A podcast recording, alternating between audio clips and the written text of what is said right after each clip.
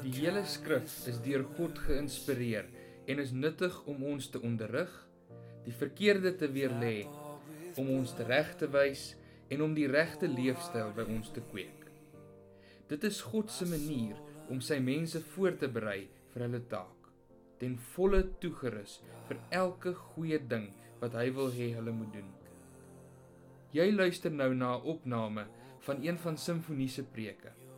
Mag die Here jou seën terwyl hierdie woord aan jou bedien word.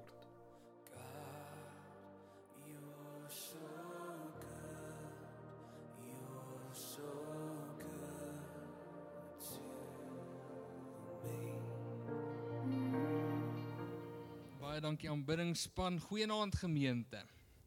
Ek glo vertrou dit gaan goed met julle. Dit is en bly 'n voorreg om die woord van die Here aan julle te kan bedien vanaand. En ek wil hê dat daar waar jy in jou banke sit, moet jy daai woorde onthou van die van die lied wat ons sopas gesing het, daai ene wat sê I'm forgiven because you were forsaken. I'm accepted because you were condemned. Want ons gaan vanaand daaroor praat in ons in die boodskap wat die Here aan die gemeente wil gee. Nou as jy jou Bybel by jou het, kan jy hom solank oopmaak by Filippense hoofstuk 2. En as jy graag wil op jou slimfoon volg met notas en so, dan kan jy net gaan na ons webwerf toe, symfonie.co.za en dan klik jy op preeknotas en jy sal op jou foon op YouVersion sal jy kan die notas volg. Nou hierdie is dalk meer 'n vraag. Ek sou nou gedink het hierdie is meer 'n vraag vir die jonger mense, maar is nie noodwendig nie.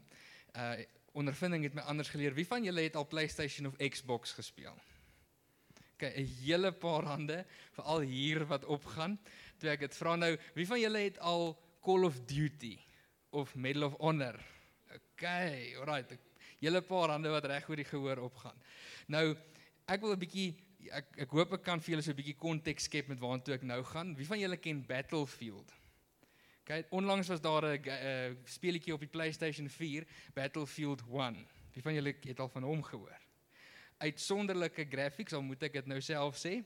En um Battlefield 1, Battlefield 1 speel af in die periode van die Eerste Wêreldoorlog. Nou die Eerste Wêreldoorlog het plaasgevind tussen 28 Julie 1914 en 11 November 1918. Nou dis meer as 100 jaar terug. Dan kan jy dink dat ons vandag games speel wat daai goeters namaak. Dis eintlik nogal bietjie skrikwekkend, nê? Nou met die Eerste Wêreldoorlog was meeste lande in Europa was betrokke by hierdie oorlog by hierdie konflik. Juis omdat so baie lande betrokke was, het die mense dit die Eerste Wêreldoorlog of die Wêreldoorlog genoem, nê, nee, die Groot Oorlog. Hulle sien daar's omtrent 16 miljoen mense dood direk as gevolg van hierdie oorlog. Um dit is nie so baie soos in die Tweede Wêreldoorlog nie, maar dis nogal baie mense, nê? Nou dit sluit soldate en gewone landsburgers in wat nie deelgeneem het aan die geveg nie. En so groot was hierdie geweld in hierdie oorlog. Dit was iets wat ongekend was vir die mense van daardie tyd. Dat dat die koerante dit genoem het die oorlog om alle oorloë te beëindig. As dit maar net so was. Nie waar nie. Nou Pastor Jacques, julle kan daarso die eerste skyfie wys. Een van die metodes wat hulle gebruik het in die Eerste Wêreldoorlog om oorlog mee te voer is om wat ons noem in Afrikaans loopgrawe te gebruik. As jy 'n battlefield gespeel het, dan sal jy dit ken as trench warfare. OK.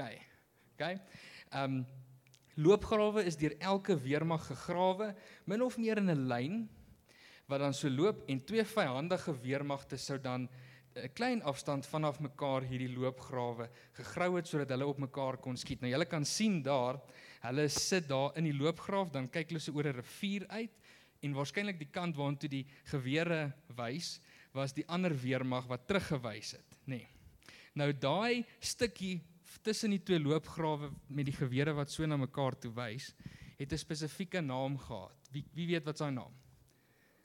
Niemandsland, no man's land. So daar is niemand wat daarop geloop het nie, né? Die grond agter die weermag, so aan die agter hulle rug, het aan elke weermag behoort en dit is wat hulle dan nou wou beskerm het of dan nou uitgebrei het as hulle die front kon laat vorder. Nou niemand het op niemands land gaan rondloop nie. dit was net 'n no-go geweest. Okay, jy gaan nie soontoe nie want as hulle jou sien, sou hulle jou skiet. Jy het jou lewe in gevaar gestel om daar te loop. Daar was ook soms was al landmyne en sulke goeders ook gewees en dit was vol van hierdie doringdraad gewees wat gekeer het dat jy eintlik ook daar kon loop. Maar die toestande ook in hierdie loopgrawe was nogal afskuwelik geweest. Dit het gereed, baie gereën, dit het gesneeu in die winter. So die higiëniese toestande daar was bad. Wie van julle hou van kamp? OK, wie van julle hou van kamp sonder ablisieblokke? OK, baie minder hande gaan op. Dit was erge toestande gewees, erge higiëniese toestande wat geheers het in die in die ehm um, loopgrawe. Soveel sodat hulle selfs het ek gelees inspekteurs rondgestuur het om te kom kyk dat jy gereeld jou voete gewas het. Want as jy dit nie gedoen het nie, kon die bakterie van jou stewels veroorsaak het dat jou voete afvrot. Nee, kon jou voet verloor het. En wat is is 'n soldaat sonder 'n voet iets werd? Nie veel nie, nê. Nee. Maar, so dit was dit was bad. Dit was regtig nie lekker goeie toestande gewees nie. Dit was slegte toestande. Maar toe in die eerste jaar van die oorlog aan die einde van die jaar Desember 1914 gebeur daar iets wat ek 'n wonderwerk noem. Reg oor wat bekend gestaan het as die westelike front. Dit is die deel van die front wat noordelike Frankryk en België gedek het. Het daar spontaan 'n oomblik aangebreek waar die skote tussen die Duitse weermag en meeste meeste mense was Britte gewees aan die ander kant tussen die Duitsers en die Britte net spontaan gestop het. Eerens deur die nag en dit is op 'n spesifieke datum wat dit gebeur het van 24 Desember stop die weermag aan albei kante hulle skietery op mekaar.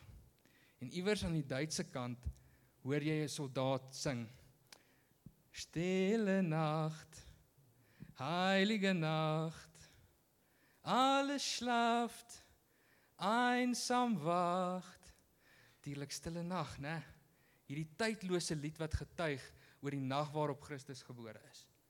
En in stilte luister die Britte en die geallieerde magte na hierdie lied en toe dit klaar gesing is, begin een van hulle te sing Noel, Noel, Noel, Noel, born is the king of Israel.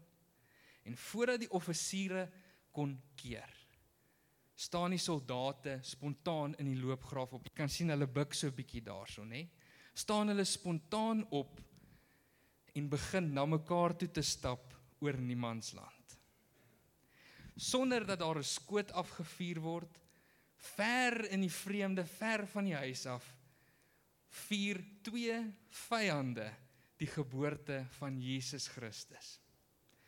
Hulle sê daar het selfs sokkerwedstryde plaasgevind tussen die twee lande en ek dink Duitsland het gewen 3-2 of so iets uh in in een van die amptelike vind van die van die wedstryde. Hulle het met mekaar die hulle sê die Britte het vir die Duitsers sjokolade gegee met hulle sjokolade gedeel en die Duitsers het soetkoekies met die Britte gedeel. Julle kan vir ons slide 2 opsit asseblief pastoor Jacques. Nou op die skerm hierso verskyn 'n foto wat verduidelik wat het daarso plaasgevind en wat dit wys. Ek het aangedui watter soldate verteenwoordig watter land. Kyk hoe staan hulle tussen mekaar. Die Britte tussen die Duitsers. Imagine dit is die ideale geleentheid om jou vyand in die rug te steek. Om jou vyand dood te maak, om die oorwinning te kry. Maar dit gebeur nie. Die generaals het hierdie ding nie beplan nie. Die kapteins kon dit nie keer nie.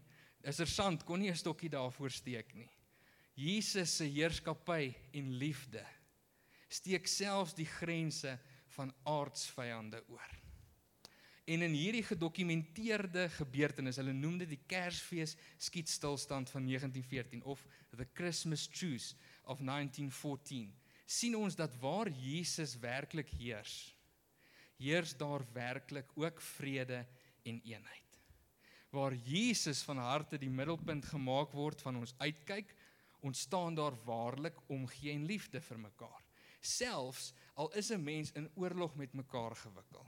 Want jy sien, as Jesus die koers van 'n mens se lewe bepaal, is jy selfs bereid om jou lewe op die spel te plaas solank dit tot sy eer strek. As deel van sy laaste woorde sê Jesus in Johannes 13 vers 34 en 35 daai versie wat pastoor Jacques aangehaal het wat sê ek gee vir julle 'n nuwe opdrag. Hy praat met sy volgelinge hierso dat julle mekaar moet lief hê. Net soos wat ek julle liefgehad het, moet julle ook mekaar lief hê. Dit is hoe almal sal weet dat julle my disippels is as julle liefde teenoor mekaar het. So hoe lief het Jesus ons dan gehad? Wel, ek kan vir jou vertel hoe lief het hy my gehad. Ek was 'n sondaar gewees. Iemand wat onheilig voor God geleef het. Hierdie sonde het 'n prys voor God gehad. Daardie prys was dat iemand wat nog nooit 'n sondaar was nie en sonde nooit geken het nie, moes sterf om te kon betaal vir my sondes. Omdat daar geen mens al ooit bestaan het wat nooit sonde geken het nie, moes God toe self mens word en vir my sondes kom betaal. Sy naam toe hy op aarde was was Jesus Christus gewees. Sy dood het my in staat gestel om voor God te kan staan en die oordeel van God vry te spring. En nou dat ek die oordeel van God vrygespring het, is God in staat om my te seën en my lewe te stuur in 'n regte rigting. En nie net het Jesus sy lewe gewillig vir my kom aflê nie, maar ook vir elkeen van julle wat in die banke sit vanaand. En wanneer ons as mens hierdie waarheid hoor, verstaan en deel van ons lewe maak, dan gebeur daar net iets hier binne, nê, nee, hier in jou lewe. Ons verstaan dat ons by onsself het ons nie meer die insig om ons eie lewe te bestuur nie. Ons kan nie meer ons eie lewe manage nie. En ons ons moet onsself onderwerp. Ek gaan vanaand 'n ander Engelse woord gebruik in plek van onderwerp. Ons moet onsself submit aan die Here. Aan sy leierskap, aan sy liefde, aan sy voorsiening, aan sy vertroosting maar ook aan die feit dat hy beloof dat hy ons lewe in die palm van sy hand sal hou.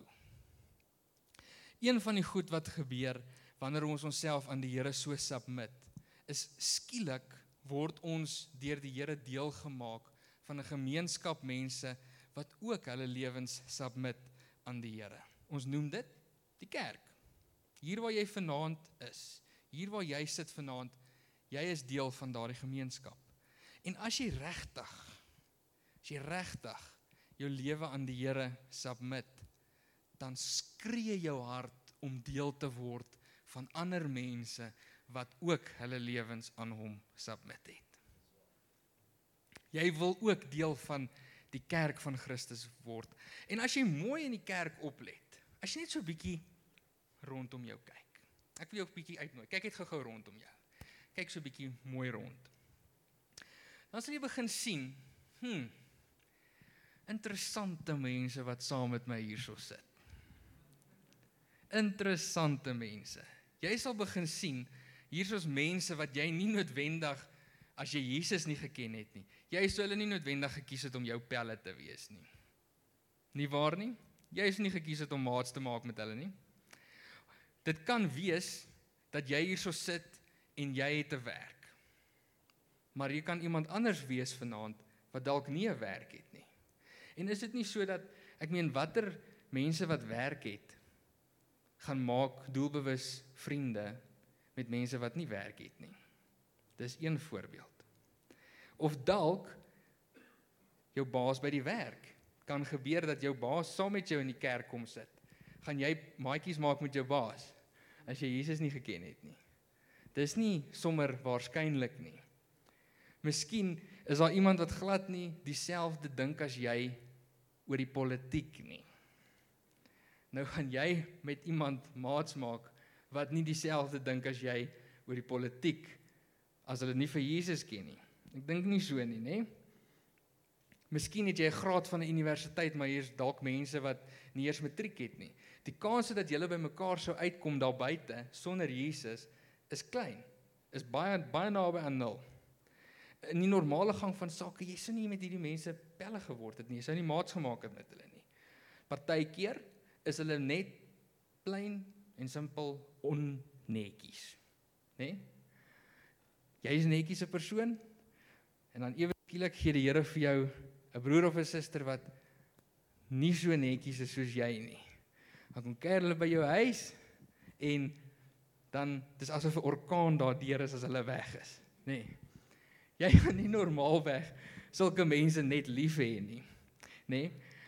Of partykeer as jy iemand is wat wie van julle weet wat is 'n germaphobe? Great, nê? Nee?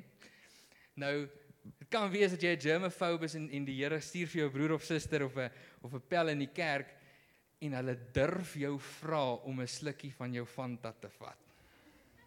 Nê? Nee? En as hulle dit doen dan sê jy soos nee, myne. Maar dan doen jy dit maar want ag ons moet hulle maar lief hê met die liefde van Jesus nie waar nie? Normaalweg sal jy as jy as jy soos ek is sou jy normaalweg met sulke mense uitgehang het nie. Maar toe kom Jesus in my lewe. Amen. En die kerk kom nie saam omdat ons almal vriende is van mekaar nie. Ons is eerder sonder Jesus in ons lewe eintlik 'n vorm van 'n vyand jy is nie doelbewus gaan en met iemand gaan pelle maak of hulle innooi in jou lewe as jy nie saamstem met hoe hulle dink oor die lewe nie. Maar omdat ek myself submit het aan Jesus, vereis hy dat ek ander mense wat ook hulle self submit het aan hom, moet lief hê.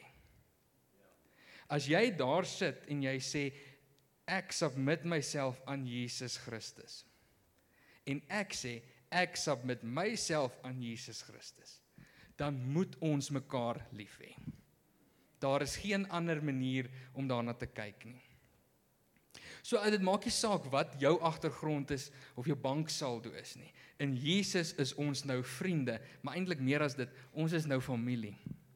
In die Bybel word ons genoem broers en susters van mekaar. Ons is almal kinders van God, sê Johannes 1 vers 12.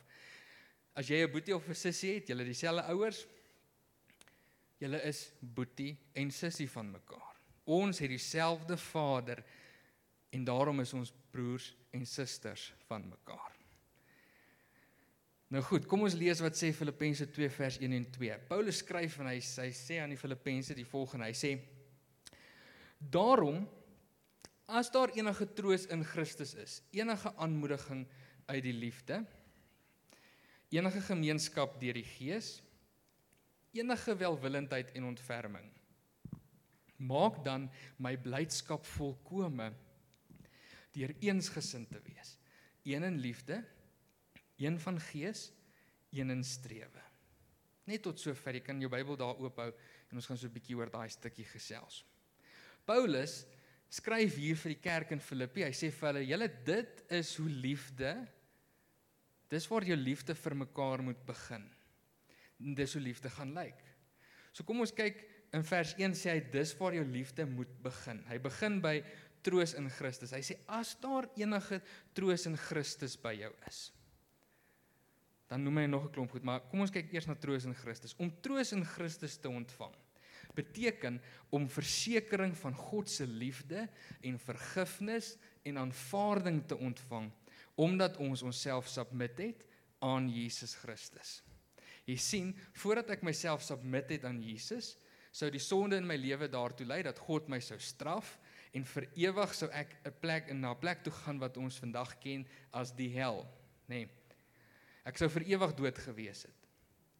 As ek hier op aarde gesterf het, sou ek daar beland waar daar geen uitkom kans is nie, waar God nie is nie. Dis nogal 'n skerry gedagte. Nê, nee, om te dink jy was op 'n plek dalk is van julle vanaand op 'n plek dat as jy sterf vanaand, maak jy jou oë toe en jy gaan na 'n plek waar daar net pyn is, net lyding, net dood. God is nie daar nie. Daar is niks wat goed is daar nie. Dit is angswekkend, scary. Maar omdat ek my lewe submit het aan Christus, sê die Bybel, ek is nou in Christus is die woorde wat hy gebruik en die troos wat ek ontvang, daai comfort sê Eben, jy gaan eendag saam met Jesus in die hemel wees. Jy gaan eendag saam met hom die ewigheid spandeer. In God se liefde, in God se goeie vir altyd leef En daar is nie eers 'n kans dat jy hel toe kan gaan nie. Jo, julle is nie eens baie opgewonde oor dit nie. Hè? Nou as ek daardie troos ontvang het in Christus, moet ek ook in liefde soortgelyke troos kan uitdeel aan elkeen wat sê hulle ken vir Jesus. Veral vir hulle, maar ook vir ander mense. Met ander woorde, as iemand iets verkeerd teenoor my gedoen het. Want kyk, ons is boeties en sissies, né? Wie van julle het nooit gefight met julle boetie of sussie in die huis nie? OK. Ek neem aan baie min want ek daar's ons nie 'n handjie wat opgaan nie. Maar ons moet bereid wees om ander mense en mekaar te vergewe soos wat God ons vergewe het. As jy daarso sit en jy sê ek het die vergifnis by God ontvang, dan moet jy bereid wees om vergifnis vir jou broer of suster ook te gee. Die Bybel sê dat die Here het my sondes gevat toe ek hom vra vir vergifnis en hy het dit gegooi, hy het dit gewerp, is die woord in die see van sy vergeetachtigheid en hy kies om nooit weer daaraan te dink nie. So wanneer ons vergewe, dan moet ons soos hy vergewe. Ons moet daai ding vat wat iemand teen ons gedoen het, ons moet dit vat en gooi in die see van vergeetachtigheid en ons moet kies om nooit weer daaraan te dink nie. Dis moeilik, nê? Jo. So as jou en, en ek gaan so 'n bietjie 'n paar voorbeelde nou noem en dit is nie net oor mense in die kerk noodwendig nie. Ek gaan so 'n bietjie weier gaan, maar miskien was jou pa lelik met jou as kind. En hy het vir jou 'n paar goed gesê wat 'n pa nie vir 'n kind moet sê nie. Of jou ma was nie die beste ma gewees wat jy gedink het sy kon wees nie. Dalk vir jou goed gesê. Dan moet jy hulle vergewe. As jou man of jou vrou dalk jou verkil het, dan moet jy hulle en die ander party vergewe. Dis 'n moeilike een, nê? Dis nie 'n opsie nie. As iemand in die kerk jou te nagekom het, moet jy vergewe ander mense moet die troos van Christus ook by ons beleef as ons sê ons lewe behoort aan Jesus Christus. En dan praat Paulus tweedens, dan praat hy van aanmoediging uit die liefde. Nou, ek het nou gepraat van ouers wat dalk nie die beste goed vir jou gesê het nie, maar wie van julle se ouers het vir julle partykeer met 'n goeie rapport gesê, "Man, ek is trots op jou. Well done." Myne het dit gedoen en hulle moedig jou aan. Hulle hulle sien iets in jou lewe raak, nê. Nee. Of dalk het hulle gekom en hulle het vir jou gesê, "Jesus my kind, jy moet verder gaan studeer." My pa het dis die een ding wat hy altyd vir my gesê het, "My seun," sê hy vir my. "Jy moet leer en leer en leer en leer." En ek sê, "Pa, ag kan ek nie maar ophou leer nie." En hy sê, "Nee, want jou geleerdheid gaan niemand ooit by jou kan wegvat nie."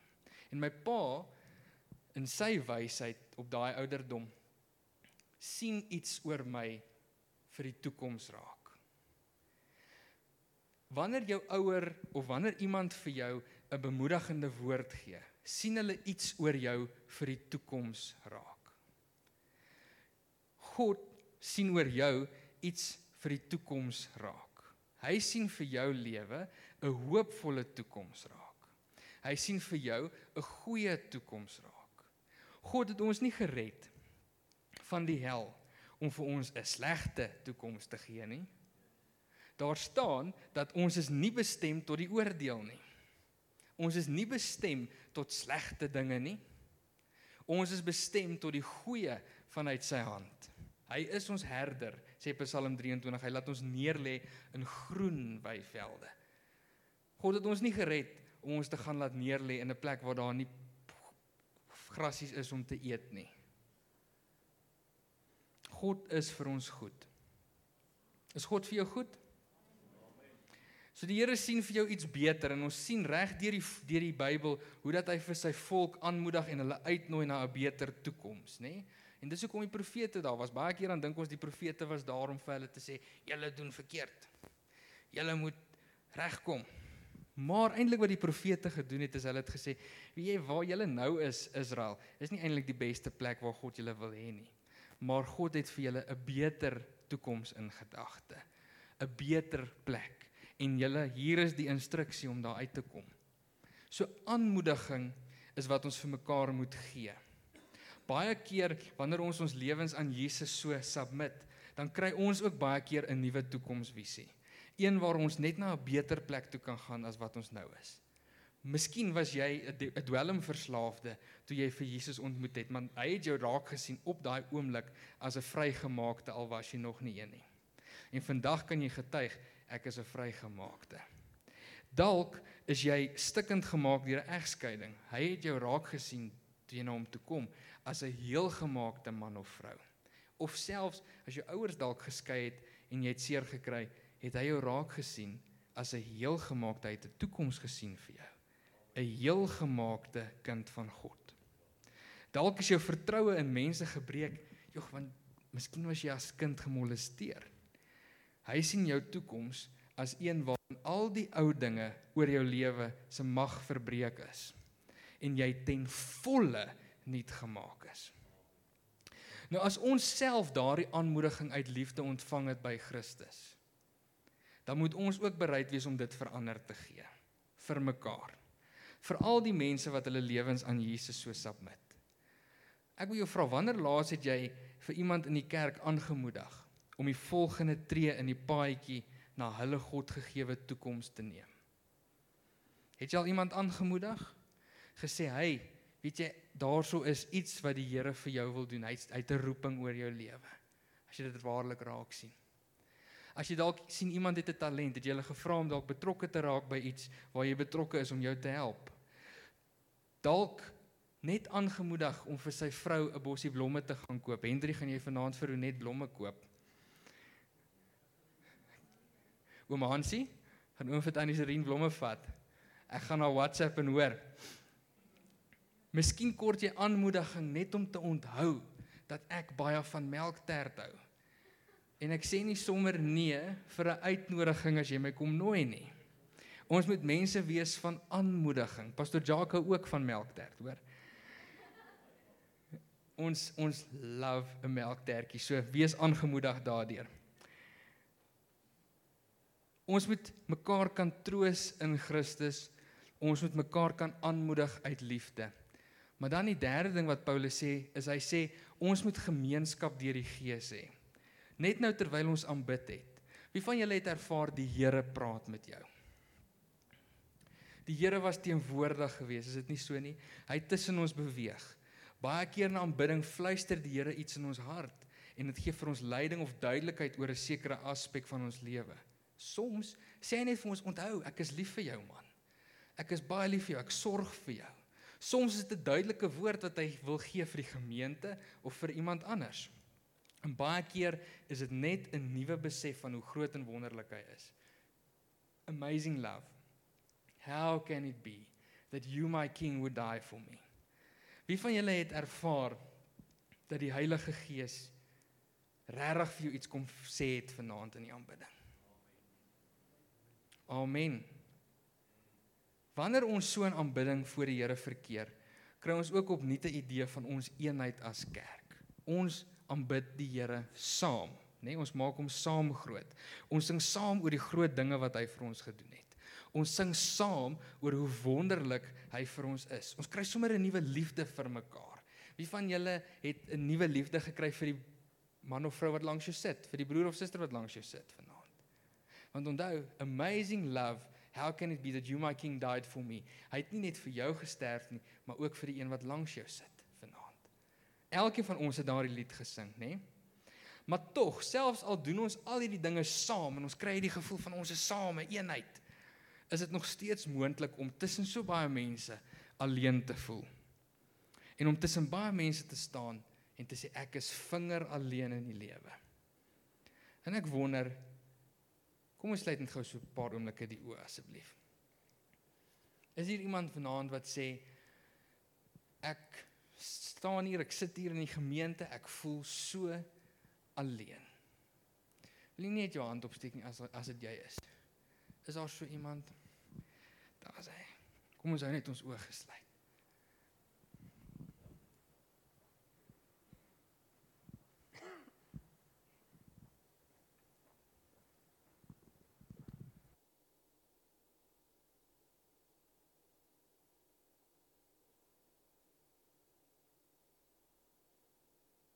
Hoef te doen is om te sê as jy alleen is, sê vir ons. En ons moet na mekaar toe stap en vir mekaar net 'n druk gee en sê jy is nie alleen nie. Ek is saam met jou. Tussen ons wat sê ons submit onsself aan Jesus, mag ons nooit iemand doelbewus alleen laat voel nie. Partykeer kan ons gevoelens vir ons jok, maar as ons weet iemand voel alleen, het ons die verantwoordelikheid om hulle alleenheid te gaan verlig. Al is dit net om vir iemand 'n druk te gaan gee. Die laaste enetjie wat Paulus van praat, is hy praat van welwillendheid en ontferming. En dit voel vir my soos baie ou woorde, nê. Nee, ek het gaan soek vir 'n mooi Afrikaanse woord om dit te beskryf, maar eintlik welwillendheid is eenvoudig. Dit beteken ek het die wil dat dit wel gaan met jou. OK? Eenvoudig. Ek hoop en ek ek het ek het hierdie begeerte dat dit goed met jou gaan. Ontferming beteken ek kyk uit doelbewus. Ek maak 'n doelbewuste poging om vir jou uit te kyk, na jou behoeftes te voorsien. Het iemand al vir jou McDonald's gekoop sonder dat jy gevra het daarvoor? Né? Nee?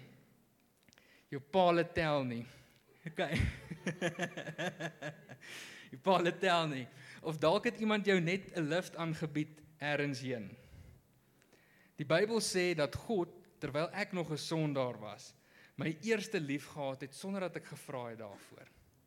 En Jesus was bereid om in my plek te sterf. God het teenoor my welwillendheid kom bewys. Hy het homself oor my ontferm en alles so laat uitspeel dat ek hom kon ontmoet op 'n dag in Maart 2004. Nou as ek en jy kan sê dat God aan ons welwillendheid bewys het, dat hy homself oor ons ontferm, na ons kyk, na ons behoeftes voorsien, dan moet ons ook aan ander mense, veral ons broers en susters in die Here, kan welwillendheid bewys en ontferming ook. Ons moet omgee oor mekaar, man. Ons moet omgee. Veral vir mekaar wat hierso sit vanaand. Ons moet omgee. En kyk dan hoe mooi is vers 2. Paulus sê ons moet eensgesind wees, een in liefde, een in gees, een in strewe. Wat beteken dit? Dit beteken baie eenvoudig dat as Jesus langs ons staan as Jesus nou hier langs my staan en pastoor Rode staan voor ons dan moet dieselfde liefde wat Jesus vir hom het ook uit my hart uit na hom toe gaan dit beteken as ek en Jesus hierso staan en Renier kom staan hier voor ons dat ek en Jesus dieselfde liefde vir 'n nier sal hê. Nie 'n ander liefde nie, nie 'n mindere liefde nie, nie 'n meerdere liefde nie, want Jesus het ons hele lewe nou nuut kom maak. Ons moet dieselfde gedagtes dink as Jesus oor daai persoon. En ons moet dieselfde ywer hê, dieselfde dryfkrag om te sê hierdie persoon moet Jesus ken in sy lewe. So as iemand van buite af inkom en hulle kom staan voor ons. Sê nou maar weer ek en Jesus staan hier. Iemand van buite af. En Jesus sien daardie persoon raak as iemand wat sy liefde nodig het, as iemand wat hom net moet moet leer ken. As iemand wat net nuut gemaak moet word deur sy krag, dan moet ek daai persoon ook so sien, ongeag van hoe hulle nou lyk. Dan moet ek kan sien die toekoms wat Christus vir hulle in gedagte het, 'n nuwe toekoms. 'n Nuwe ding. As ons teruggaan na daai storie oor die Kersfees skietstilstand wat ek vertel het aan die begin. Dit vertel hierdie verhaal van hierdie twee weermagte wat geveg het teen mekaar. Hoe ken 'n weermag die ander een uit? Aan sy uniform, nie waar nie? Die Britte en die Duitsers, hulle kon mekaar uitken aan die uniforms, maar partykeer Jy het jy al agtergekom ons kan vir mekaar ook uniforms aantrek. Ons ons het net 'n mooi naam vir hom, ons noem hom 'n etiket. Nê. Nee. Jy kan vir iemand baie keer 'n etiket aantrek in die kerk as 'n skinderbek. 'n liefdelose mens. 'n roker, 'n dronkie. Ek het gaan kyk na al die woorde, daar gaan dalk 'n paar woorde uitkom wat jy nie van gaan hou nie, maar ek gaan kyk is nie rowwe woorde nie, is ook nie kras nie. Etiket van 'n dronkie. Etiket van 'n egbreker. 'n cheater. Moffie. Zolroller. Maar Jesus het net een van twee etikette wat hy op ons plaas. As jy jou lewe aan hom submit, maak jy klaar met wat ook al daar in jou lewe was, wat se sonde ook al, en jy is nou 'n geliefde kind van God. As jy jou lewe nie aan hom submit nie, is jy 'n sondaar. Dit is hoe eenvoudig dit is. En hoor mooi, jy kan nie kies om jou lewe te submit aan Jesus, maar dan hou jy aan met sonde nie. Dit werk nie so nie. Hy is of ten volle koning van jou lewe of glad nie koning van jou lewe nie. Daar kan baie dinge op my tag staan vanaand. Baie goed wat mense al oor my gesê het. Mense in die kerk, mense daar buite, baie goed. Maar omdat ek my lewe aan Jesus submit het, is my tag geliefde kind van God.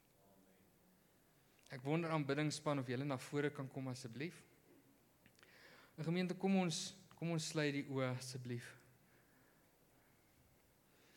Die oomblik wat ek en jy ons lewe aan Jesus submit het, het ons ook onderneem om ons lewe te verander om mekaar met die liefde van Jesus te hanteer. Soos wat die Bybel ons leer. Ons het onderneem om mekaar te beskerm in die eenheid wat net die Heilige Gees kan bring soos wat die Bybel ons leer.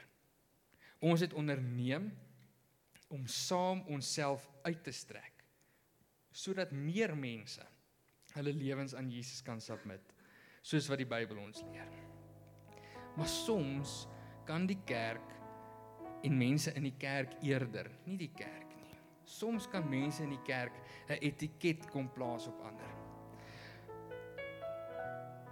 Maar dan as jy waarlik jou lewe aan Jesus submit het, sal jy ander sien soos wat Jesus hulle sien. Slegs Jesus is in staat om ons wat eintlik van mekaar vyande is, familie te maak. Oh, sing it to him, sing God, you're so Dit is ons opregte wens dat hierdie boodskap jou geïnspireer het om elke dag te streef om liewer vir God, liewer vir jou gemeente en liewer vir die gemeenskap rondom jou te word. As jy meer wil uitvind oor simfonie en wat daar gebeur, besoek gerus www.simfonie.co.za. Mag die Here jou seën.